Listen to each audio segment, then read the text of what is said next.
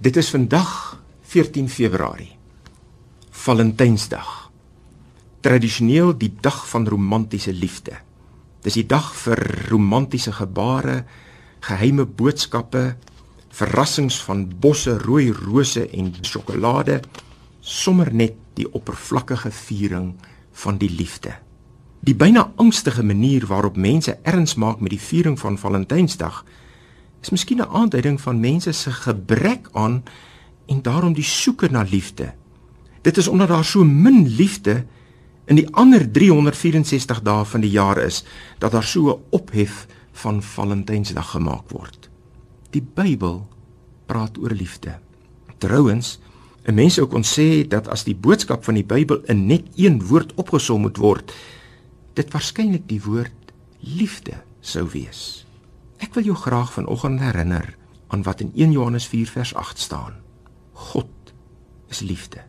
God en liefde is sinoniem. Liefde is nie net nog 'n eienskap van God naas ander baie eienskappe wat hy mag hê nie. Nee. 1 Johannes sê God is liefde. Dit behoort tot die wese van God om lief te hê. Omdat hy liefde is. In vers 10 van 1 Johannes word daar verder uitgebrei op hierdie tema van God se liefde. Daar staan werklike liefde is dit, nie die liefde wat ons vir God het nie, maar die liefde wat hy aan ons bewys het deur sy seun te stuur as 'n verzoening vir ons sondes.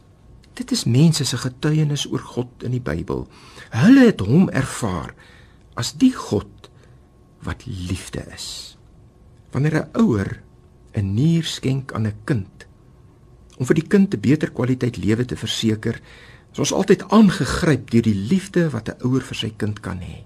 God skenk sy seun Jesus Christus om te sterf aan 'n kruis as sy toonbeeld van liefde, sy liefde vir mense.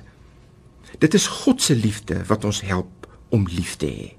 In die volgende vers 1 Johannes 4 vers 19 staan daar: Ons het lief omdat God ons eerste liefgehad het.